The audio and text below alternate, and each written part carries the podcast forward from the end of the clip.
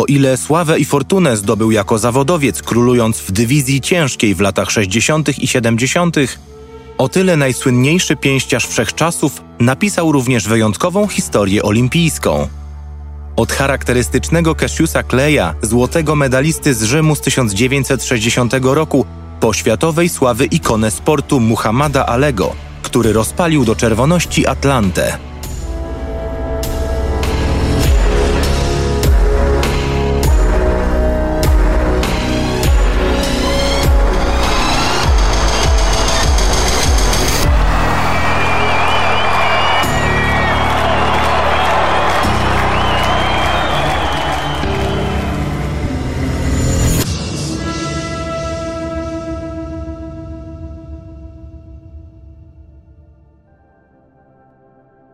Witajcie. Zapraszamy do wysłuchania wyjątkowych olimpijskich historii. Najwięksi bohaterowie, najbardziej emocjonujące chwile, fakty, których nie znaliście i legendarne momenty. Wejdźcie z nami do świata dramatów, sukcesów i olimpijskich wzruszeń. Nie zapomnijcie też subskrybować, ocenić oraz zrecenzować naszych podcastów. Złoto, wyrzucony medal, a może zgubiony. Rzeka Rozentuzjazmowany, bystry i energetyczny nastolatek na ringu. Chory i wątły pięćdziesięciolatek na stadionie. Płonący ogień. Drugi medal. Dwie epoki, dwa kontynenty, dwa igrzyska, dwa nazwiska. Jeden człowiek, jedna legenda. Muhammad Ali, który osiągnął status ikony sportu dzięki walkom z Sonym Listonem, Joe Frazierem, Kenem Nortonem czy George'em Formanem, na zawsze pozostanie również nierozerwalnie związany z wielką historią Igrzysk Olimpijskich, którą odmienił dwukrotnie, w dwóch zupełnie różnych kontekstach, w odstępie niemal pół wieku. Co prawda to nie Igrzyska uczyniły Alego największym, ale jego nietuzinkowa postawa zapewniła mu wyjątkowe miejsce w dziejach olimpizmu. Droga od Cassiusa Kleja do Muhammada Alego była pełna chwały i kontrowersji – to właśnie jako Ali Clay stał się jedną z najbardziej rozpoznawalnych osób na świecie. Ale jego drugie wcielenie było już w dużej mierze obecne w pierwszym. Odważny, krzykliwy, czarujący, zniewalający, irytujący, mityczny megaloman przekonany o własnej wielkości. Clay był już Alim, a Ali poniekąd pozostał Klejem. Całe jego życie obrosło legendami już od momentu narodzin. Gdy tylko opuścił łono matki, Klej, jak mówią, miał już dużą głowę. Nigdy miała się nie zmniejszyć. Był dwunastolatkiem, gdy pierwszy raz wszedł na siłownię Columbia Gym, prowadzoną w Louisville przez Joe Martina, swojego trenera i mentora. Będę największy, zostanę mistrzem świata wagi ciężkiej. Krzyczał do każdego, kto chciał słuchać, i do każdego, kto nie chciał. Taka postawa nie przysporzyła mu sympatii wśród kolegów, którzy szybko znudzili się jego zaczepkami. Martin jednak od początku był przekonany o możliwościach nastolatka. Już wtedy w Bonaparte budził się Napoleon. Nastolatek nosił w sobie cechy przyszłego mistrza. W swojej autobiografii Największy Moja własna historia, wydanej w 1975 roku, Ali bagatelizował rolę Joe Martina w jego drodze do sławy. Powszechnie przyjmuje się mimo to, że Martin był odpowiedzialny za wielki sukces Alego. Zasługuje na pochwałę zwłaszcza za to, jak nauczył go boksować, za to, jak oszlifował jego talent i za to, że namówił go, aby ten wsiadł do samolotu. Sześć lat po pierwszym założeniu rękawic, Cassius Clay zaczął terroryzować każdy ring, na który wchodził. Zdobywca złotych rękawic, wzorca amatorskich turniejów w Stanach Zjednoczonych, w wadze półciężkiej w 1959 roku, a następnie w wadze ciężkiej w 1960 roku, młody Cassius Marcellus logicznym wyborem trafił do reprezentacji USA na letnie Igrzyska Olimpijskie w Rzymie. Lecz podobnie jak jego fikcyjne alter ego, Mr. T, który oczywiście jeszcze nie istniał, fenomenalny pięściarz miał fobię na punkcie latania. Może i dostał się do kadry A, ale odmówił podróży z powodu niechęci do wejścia na pokład samolotu. Kiedy zapytał, czy mógłby dotrzeć do Włoch łodzią lub pociągiem, grzecznie wyjaśniono mu, że pierwsze rozwiązanie nie jest rozsądne, a drugie niemożliwe. Trudno, w takim razie nie pojadę na igrzyska. Odpowiedział Clay. Jego strach przed lataniem wynikał z własnych przeżyć. Kilka miesięcy wcześniej, podczas podróży do Kalifornii na kwalifikacje olimpijskie, pełen turbulencji lot pozostawił w nim mrożące krew w żyłach wspomnienia. Traumatyczne do tego stopnia, że był gotów poświęcić swoje olimpijskie ambicje. Jeśli to zrobisz, stracisz szansę na Mistrzostwo Olimpijskie. Martin powiedział podopiecznemu. Clay obstawał przy swoim, ale na szczęście jego trener był równie uparty jak on sam. Jak wyjaśnia Martin w dokumencie HBO o Alim, w końcu udało mu się przekonać Kleja. Zabrałem go do Central Parku, tutaj w Louisville. Rozmawialiśmy przez długie kilka godzin. Uspokoiłem go i przekonałem, że jeśli chce być mistrzem świata wagi ciężkiej, to musi pojechać do Rzymu i wygrać igrzyska. Klejnot amerykańskiej drużyny znalazł się w końcu na pokładzie, mimo to wciąż daleko mu było do odprężenia. Clay próbował nawet uzyskać od amerykańskich sił powietrznych statystyki dotyczące liczby katastrof lotniczych na trasie USA-Rzym. I kiedy przybył na lotnisko w Louisville, które, jak na ironię, w 2019 roku, dwa i pół roku po śmierci Alego, zostało nazwane na cześć jego przyszłego muzułmańskiego nazwiska, Clay zabrał ze sobą spadochron. Przyjaciele próbowali mu wytłumaczyć, że w razie katastrofy nic mu to nie da, ale ich apele pozostały głuche. Jak w przypadku wielu epizodów jego burzliwego życia, istnieją różne relacje dotyczące lotu. Wszystkie przywołują na myśl niespokojnego i zestresowanego pasażera. Niektórzy twierdzą, że spędził cały lot krzycząc i modląc się.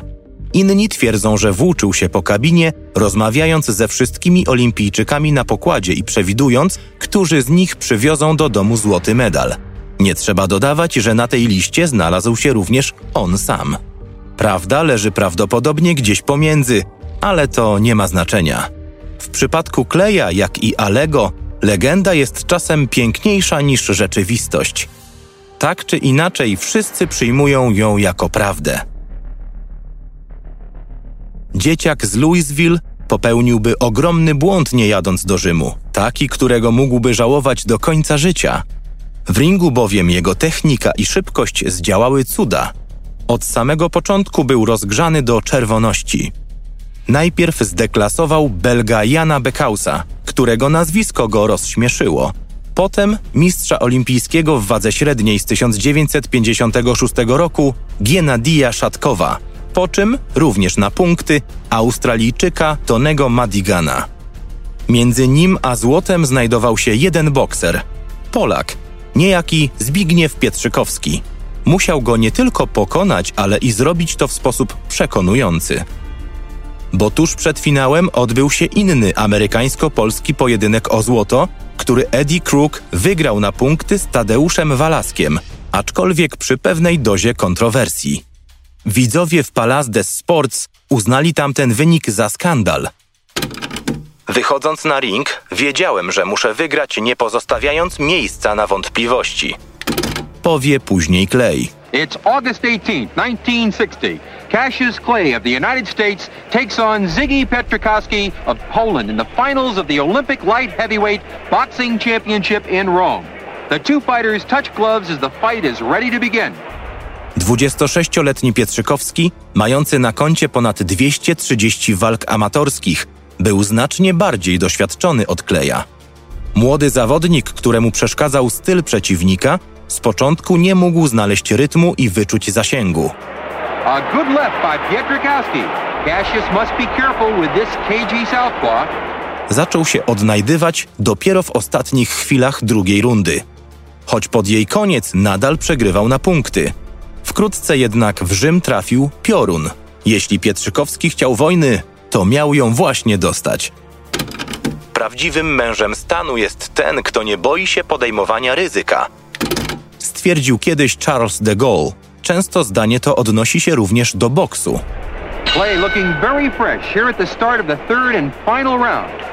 W ostatniej rundzie Clay wpadł w szał. burza zmiotła z powierzchni ziemi Polaka, który, co jest jego wielką zasługą, stał mimo spadających nań ciosów. Clay is way ahead on points and he knows it. He's boxing with all the confidence in the world, realizing he is only moments away from the gold medal. Jednogłośną decyzją sędziów Cassius Clay został koronowany na mistrza olimpijskiego w wadze półciężkiej.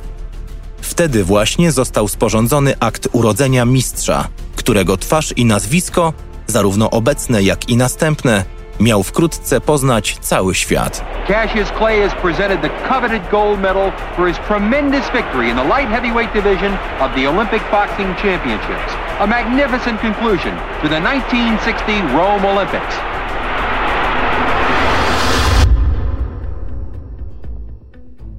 W Rzymie bombardier z Louisville czuł się jak ryba w wodzie, zwłaszcza w wiosce olimpijskiej, w której dokazywał w pełni, zarówno przed, jak i po zdobyciu tytułu. Gdyby selfie istniało w tamtych czasach, Clay zrobiłby sobie zdjęcie z każdym. Jego żywiołowa osobowość uczyniła go jednym z ulubieńców igrzysk, popularnym wśród sportowców ze wszystkich kontynentów, którzy nazywali go burmistrzem wioski. Cassius był bez wątpienia jednym z najpopularniejszych sportowców w Villaggio Olimpico zeszłego lata. Napisał Dave Kindred w New York Timesie w 1961 roku. Wszędzie zdobywał przyjaciół i wywierał wpływ na ludzi. Jeśli łaknie rozgłosu, to zdobywa go z nieubłagalną siłą magnesu przyciągającego stalowe opiłki. Kindred jest prawdopodobnie dziennikarzem, który napisał najwięcej o Kleju i Alim – w swojej książce Sound and Fury, która przywołuje związek między Alim a dziennikarzem Howardem Koselem w latach 70., przytacza anegdotę z igrzysk w Rzymie, wiele mówiącą o pragnieniu uznania mistrza. Na jednym ze zdjęć olimpijskiej drużyny bokserskiej USA z 1960 roku Clay, który znajdował się z tyłu, wychylił głowę. Jest na końcu kolejki, ale upewnia się mimo to, aby być widocznym. Wychyla się, aby jego twarz znalazła się na zdjęciu. Chce być sławny, nieważne w jaki sposób. Za tą fasadą kryły się niewidzialne fundamenty młodego mistrza, a także kompletnego pracocholika. Od 15 roku życia Clay poddawał się spartańskiemu reżimowi treningowemu, bliższemu doświadczonemu profesjonaliście niż amatorowi, a tym bardziej nastolatkowi – Wstawał o czwartej rano i nawet przy minus 10 stopniach Celsjusza biegał po ulicach Louisville, podczas gdy reszta miasta spała lub ledwo się budziła. John Powell pracował w tym czasie w sklepie monopolowym. Jeszcze przed otwarciem sklepu, otrzymując dostawy, Powell przyzwyczaił się do widoku Kleja, który wczesnym rankiem, bez względu na pogodę, pokonywał kolejne metry. Jak powiedział później Sports Illustrated, mogłem zobaczyć jego cień wychodzący z za rogu Grand Avenue. Clay był w drodze do Chickasaw Park. Mroźne, ciemne, zimowe poranki. Można było zobaczyć, jak zbliża się jego oblicze. Był najbardziej samotną osobą wczesnym rankiem. Wychodziłem na zewnątrz, a on zatrzymywał się i walczył z cieniem. Kiedyś powiedział mi, że pewnego dnia będę właścicielem tego sklepu monopolowego a on zostanie mistrzem świata w wadze ciężkiej. Obie przepowiednie się spełniły.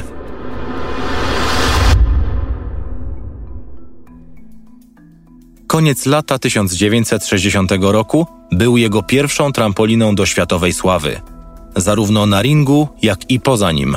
Jak wspomina Kindred, igrzyska uczyniły z niego natychmiastowego celebrytę. Był pięknym człowiekiem. Był głośny, zabawny, utytułowany, zdobył złoty medal igrzysk w wieku zaledwie 18 lat. W tamtym czasie pozostawał jednak wciąż tylko dzieciakiem z Kentucky, a potężna amerykańska delegacja olimpijska roiła się od nazwisk bardziej znanych od niego, przynajmniej przez jakiś czas. Jednym z nich była sprinterka Wilma Rudolph, z którą Clay bardzo się zbliżył. Rudolf okazała się królową igrzysk w Rzymie, zdobywając na stadionie olimpijskim złoto na dystansach 100, 200 i 4 razy 100 metrów. Ona i Clay dobrze poznali się podczas złotych dwóch tygodni w stolicy Włoch. Właściwie to chyba tylko silna nieśmiałość młodego Kleja którą tak często ukrywał za swoim obliczem, powstrzymywała ich związek przed dalszym rozwojem. W artykule w Sports Illustrated z 1992 roku z okazji 50. urodzin Alego, magazyn zrewidował tę intensywną platoniczną przyjaźń.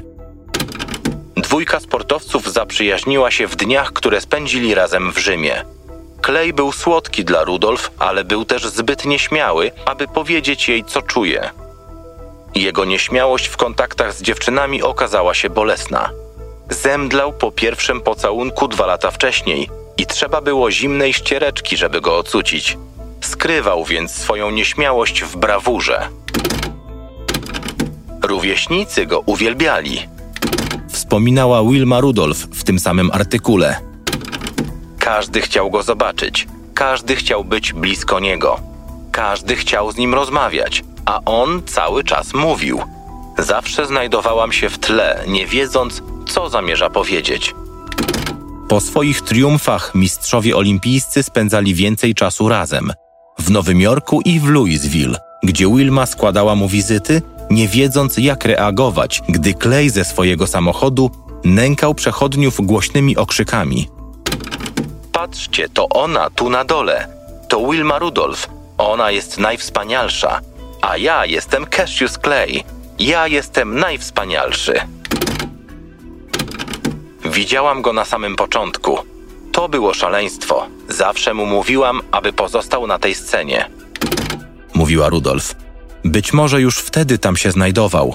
Przez całą swoją karierę bokserską Ali zapewniał niebywałe show i zapełniał kasy, wyprzedając bilety na pniu.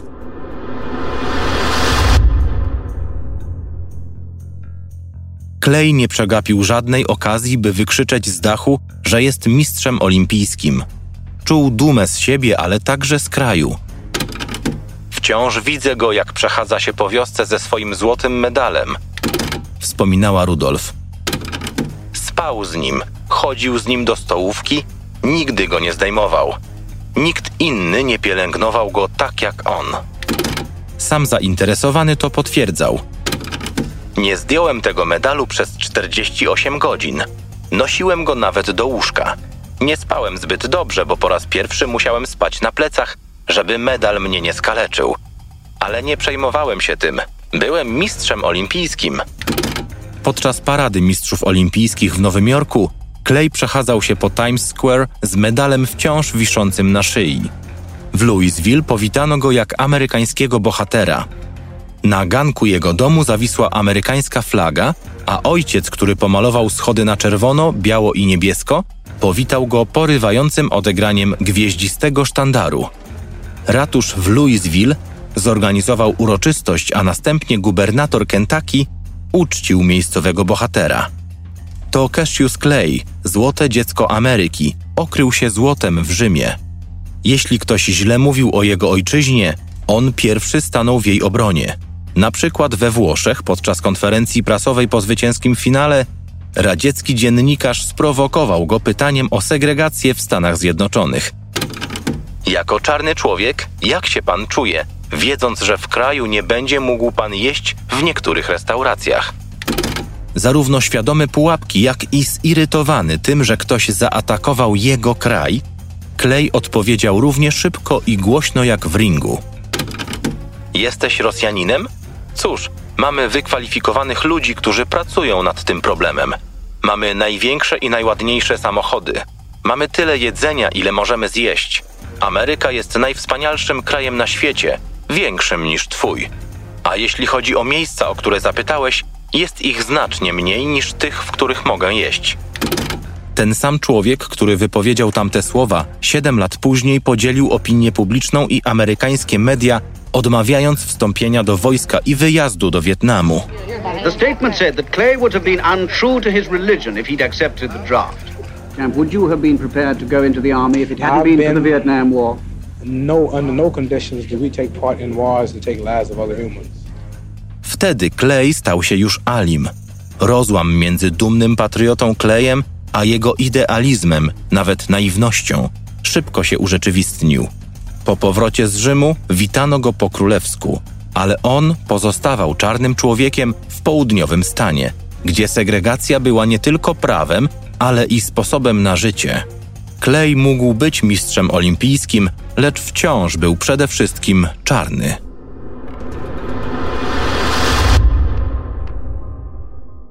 29 października 1960 roku Clay stoczył i wygrał swoją pierwszą zawodową walkę z Tanejem Hansakerem. Był to początek długiego marszu w kierunku Mistrzostwa Świata Wagi Ciężkiej – Schodząc na ziemię z olimpijskiego szczytu, wciąż będąc dalekim od statusu króla świata, Clay szybko zrozumiał, że impreza się skończyła. Miał nadzieję, że pozycja mistrza olimpijskiego zapewni mu szacunek i prawa, których nie posiadał. Mylił się. Nikt nie przejmował się jego medalem, zwłaszcza w lokalach tylko dla białych. W towarzystwie swojego przyjaciela Roniego Kinga Clay wszedł do restauracji z zakazem wstępu dla czarnych. Usiedli i zamówili po kilka hamburgerów oraz waniliowe koktajle mleczne. Zakłopotana kelnerka potulnie powiedziała im, że nie wolno jej ich obsługiwać. Proszę pani, jestem Cassius Clay, mistrz olimpijski. Odrzekł, pokazując jej medal, który wszędzie ze sobą nosił. Poszła do swojego szefa, ale ten był nieprzejednany. Gówno mnie obchodzi, kim on jest. Mówiłem ci, że nie obsługujemy tu czków. Klej zareagował. W porządku, nie jem tu. Po tym, jak usłyszał komentarz mężczyzny. Był to przełomowy moment dla młodego mistrza, który przejrzał na oczy. Mój olimpijski miesiąc miodowy się skończył. Jakiekolwiek złudzenia, które zbudowałem w Rzymie jako amerykański chłopiec, prysły. Zirytowany zaczepną odpowiedzią Kleja, gang białych motocyklistów przyszedł właścicielowi na pomoc, aby wyrzucić dwóch intruzów. Po wyjściu na zewnątrz, dwóch motocyklistów kontynuowało atak. Wybrali jednak niewłaściwą osobę do walki. Clay i King spotkali się potem nad rzeką, aby wyprać zakrwawione ubrania. Następnie, stojąc na moście Jeffersona, Clay zdjął medal z szyi i wrzucił go do rzeki Ohio. Jak później napisał, po raz pierwszy zobaczyłem go takim, jakim był zwyczajnym, zwykłym przedmiotem. Wyrzuciłem go. Medal zniknął, ale czułem się spokojny, odprężony i bardzo pewny siebie. Moje rzymskie wakacje dobiegły końca. Poczułem nową, tajemną siłę. Medal zapadł się głęboko w dno rzeki Ohio, a chwila ta stała się punktem przełomowym w życiu zarówno człowieka, jak i mistrza. Cassius Clay, który nie porzucił swojego niewolniczego nazwiska aż do 1964 roku, w tym właśnie momencie zaczął ustępować miejsca Muhammadowi Alemu. Ta jakkolwiek anegdotyczna historia o wrzuconym do rzeki ukochanym medalu, który pomógł mu uwolnić się od Ameryki celebrującej osiągnięcia mistrza, ale odmawiającej mu jego praw jako człowieka, jest zarówno mocna, jak i symboliczna. Lecz czy jest prawdą? Ali nie wspomniał o tym wydarzeniu aż do 1976 roku i swojej autobiografii. Fakt, że nie zająknął się przez kolejne 15 lat, wzbudził spory sceptycyzm co do jej prawdziwości. Pytano, czy jest to sposób na napisanie historii na nowo i dodanie kolejnej legendy wewnątrz legendy, 60 lat później wciąż nie jesteśmy mądrzejsi o prawdę, która kryje się za zaginionym medalem Alego. W 2016 roku w dokumencie Sports Detective, który dziwnym zbiegiem okoliczności ukazał się dzień po śmierci Muhammada Alego, były agent FBI Kevin Burrows i dziennikarka Lauren Gardner wyruszyli na poszukiwanie prawdy. Pojawiły się zeznania Wiktora Bendera, przyjaciela pięściarza z dzieciństwa – Clay nigdy nie powiedział mu, czy historia o medalu wrzuconym do Ohio jest prawdziwa czy nie, ale Bender ma swoje przekonania. Uważam, że po prostu go zgubił. Jest to teoria, która odbija się echem w kilku biografiach Alego, w tym w jednej z najsłynniejszych autorstwa Thomasa Hausera Muhammad Ali, jego życie i czasy. Prowadząc śledztwo w Louisville, autorzy dokumentu odkryli, jak wiele złoty medal lokalnej gwiazdy wzbudza dyskusji. Miasto jest podzielone, więc nie jest to tylko jedna z tych miejskich legend, na którą ludzie wzruszają ramionami. Wyjaśniał Barrows w czasie emisji filmu. Czują się bardzo mocno z tym związani, bardzo podzieleni, w zależności od tego, kim są. Ten przypadek porusza wiele historii oraz głęboko zakorzenionych uczuć i podziałów w rodzinnym mieście Alego. Jedyne co pozostaje pewne to to, że złoty medal, wyrzucony lub zgubiony, nigdy się nie odnalazł, lecz z czasem pojawił się kolejny. Szybko przenieśmy się do Atlanty. 4 sierpnia 1996 roku. Igrzyska 26. Olimpiady zbliżały się ku końcowi. W finale turnieju koszykówki, jednym z ostatnich ważnych wydarzeń tych dwóch tygodni, Stany Zjednoczone mierzyły się z Jugosławią. W połowie meczu w Georgia Dome rozległy się okrzyki radości, gdy konferencjer zapowiedział przybycie niespodziewanego gościa. Był nim Muhammad Ali. Międzynarodowy Komitet Olimpijski skorzystał z okazji, aby zorganizować jedyną w swoim rodzaju ceremonię. Przewodniczący MKOI Juan Antonio Samaranch osobiście wręczył mistrzowi olimpijskiemu w wadze półciężkiej z 1960 roku replikę jego dawno zaginionego złotego medalu i zawiesił na szyi. There is Juan Antonio Samaranch, the president of the International Olympic Committee, and he will be making the presentation to Muhammad Ali. The president of the International Olympic Committee, Juan Antonio Samaranch, is here to present to Muhammad Ali this replacement for the boxing gold medal he won at the Games of the 17th Olympiad. Ali wyglądał na zdenerwowanego, co czyniło tę scenę jeszcze bardziej wzruszającą. W wieku 54 lat jego ramiona kompulsywnie się trzęsły, co było najbardziej widocznym i przerażającym efektem choroby Parkinsona, która opanowała jego ciało. Oficjalnie w ciągu ostatnich 12 lat, ale najprawdopodobniej trwało to znacznie dłużej. Wzruszenie było wyczuwalne, krok niepewny. Choroba, która trawiła go od środka, znacznie postarzała Alego, ale jego twarz wciąż rozświetlał ten słynny półuśmiech, nadający jej świeży i dziecięcy wygląd, niczym echo antycznego rzymskiego bohatera. Kiedy Ali wziął medal do ręki i zbliżył do ust, aby go pocałować, stadion eksplodował. Nawet w biurze prasowym popłynęło kilka łez. Emocje tej chwili odsunęły na bok wszelkie wątpliwości. Nieważne, czy oryginał leży na dnie Ohio, czy gdzieś indziej. To już nie miało żadnego znaczenia. Członkowie drugiego Dream Teamu Shaquille O'Neal, Charles Barkley, Reggie Miller, Karl Malone, Hakim Olajuwon, John Stockton, Scottie Pippen, David Robinson i inni podeszli, by uściskać Alego i zrobić sobie z nim zdjęcie. Potem przyszła kolej na Jugosławian, z których najbardziej wyróżniał się Wlejt Divac, dla którego były mistrz wagi ciężkiej był idolem.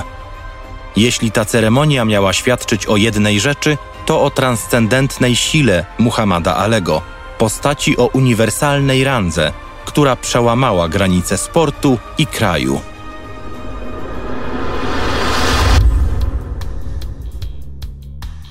Igrzyska w 1996 roku zakończyły się tak, jak się rozpoczęły z Alim w roli głównej. Udało mu się wypromować Igrzyska Olimpijskie w Atlancie w sposób, w jaki nikt inny nie mógł tego zrobić, nadając imprezie w Georgii historyczną rangę, której być może jej brakowało. Wybór Atlanty na gospodarza nowożytnych Igrzysk Olimpijskich w setną rocznicę ich powstania spotkał się z wieloma słowami sprzeciwu. Zamiast Aten, gdzie wszystko się zaczęło, Mkoi zdecydował się na metropolię stanu Georgia, siedzibę CNN i Coca-Coli. Zamiast powrotu do historii, igrzyska w Atlancie zostały nazwane przez purystów Igrzyskami Pieniędzy. Twierdzili, że ruch olimpijski zaprzedał się globalnemu establishmentowi napojów gazowanych.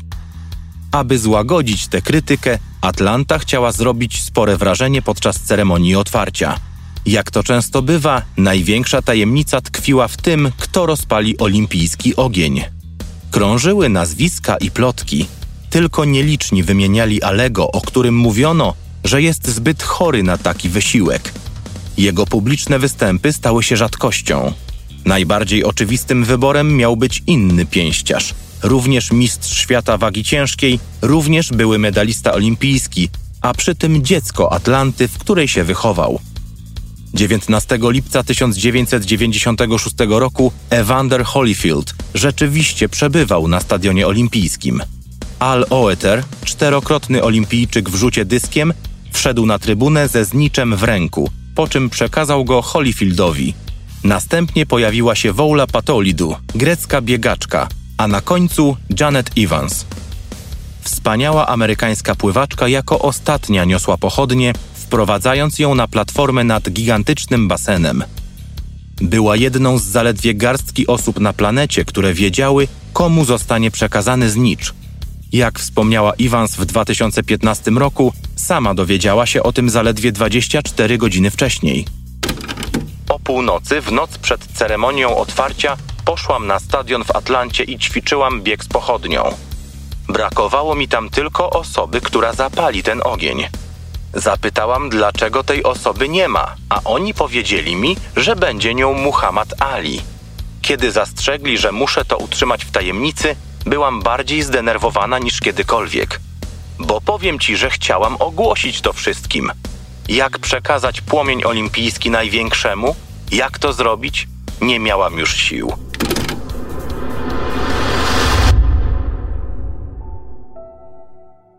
To właśnie tam, na tej platformie, pojawił się Muhammad Ali, ubrany cały na biało, cały rozedrgany.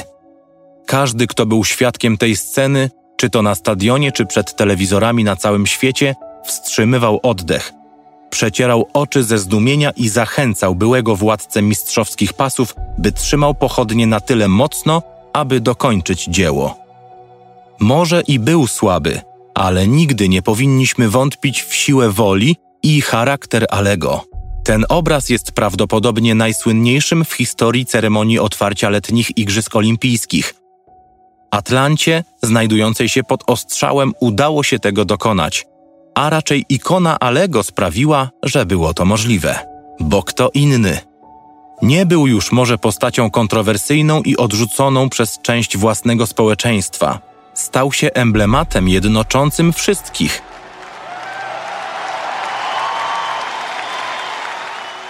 Nawet zredukowany do cienia swojego dawnego ja, Ali zdołał pokazać język całemu establishmentowi.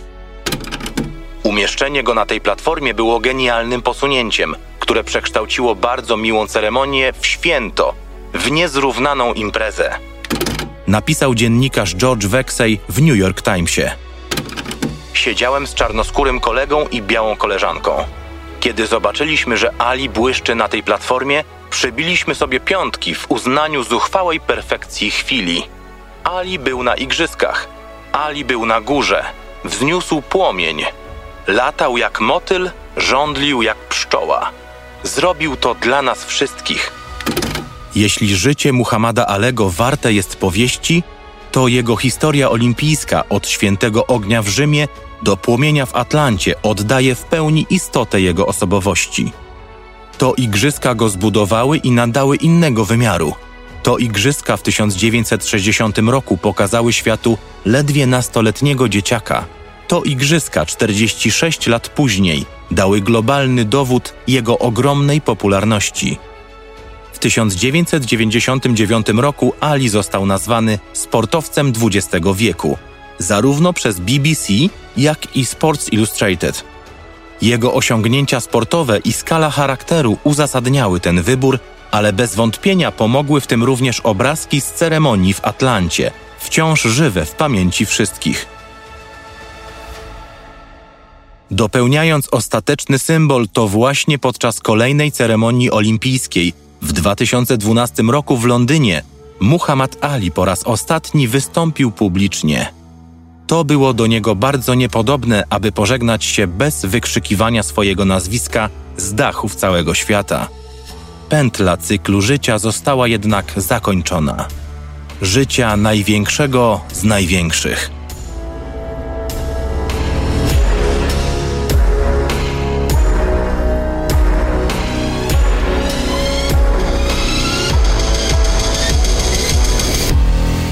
Wysłuchaliście podcastu Wyjątkowe Historie Olimpijskie. Autorami serii są Lauren Verne. Przetłumaczył Jakub Ostrowski. Czytał Dariusz Januszewski. Edycja Gilles Bawulak. Produkcja Baba Bam. Zapraszamy do subskrybowania, oceniania i recenzowania naszych podcastów.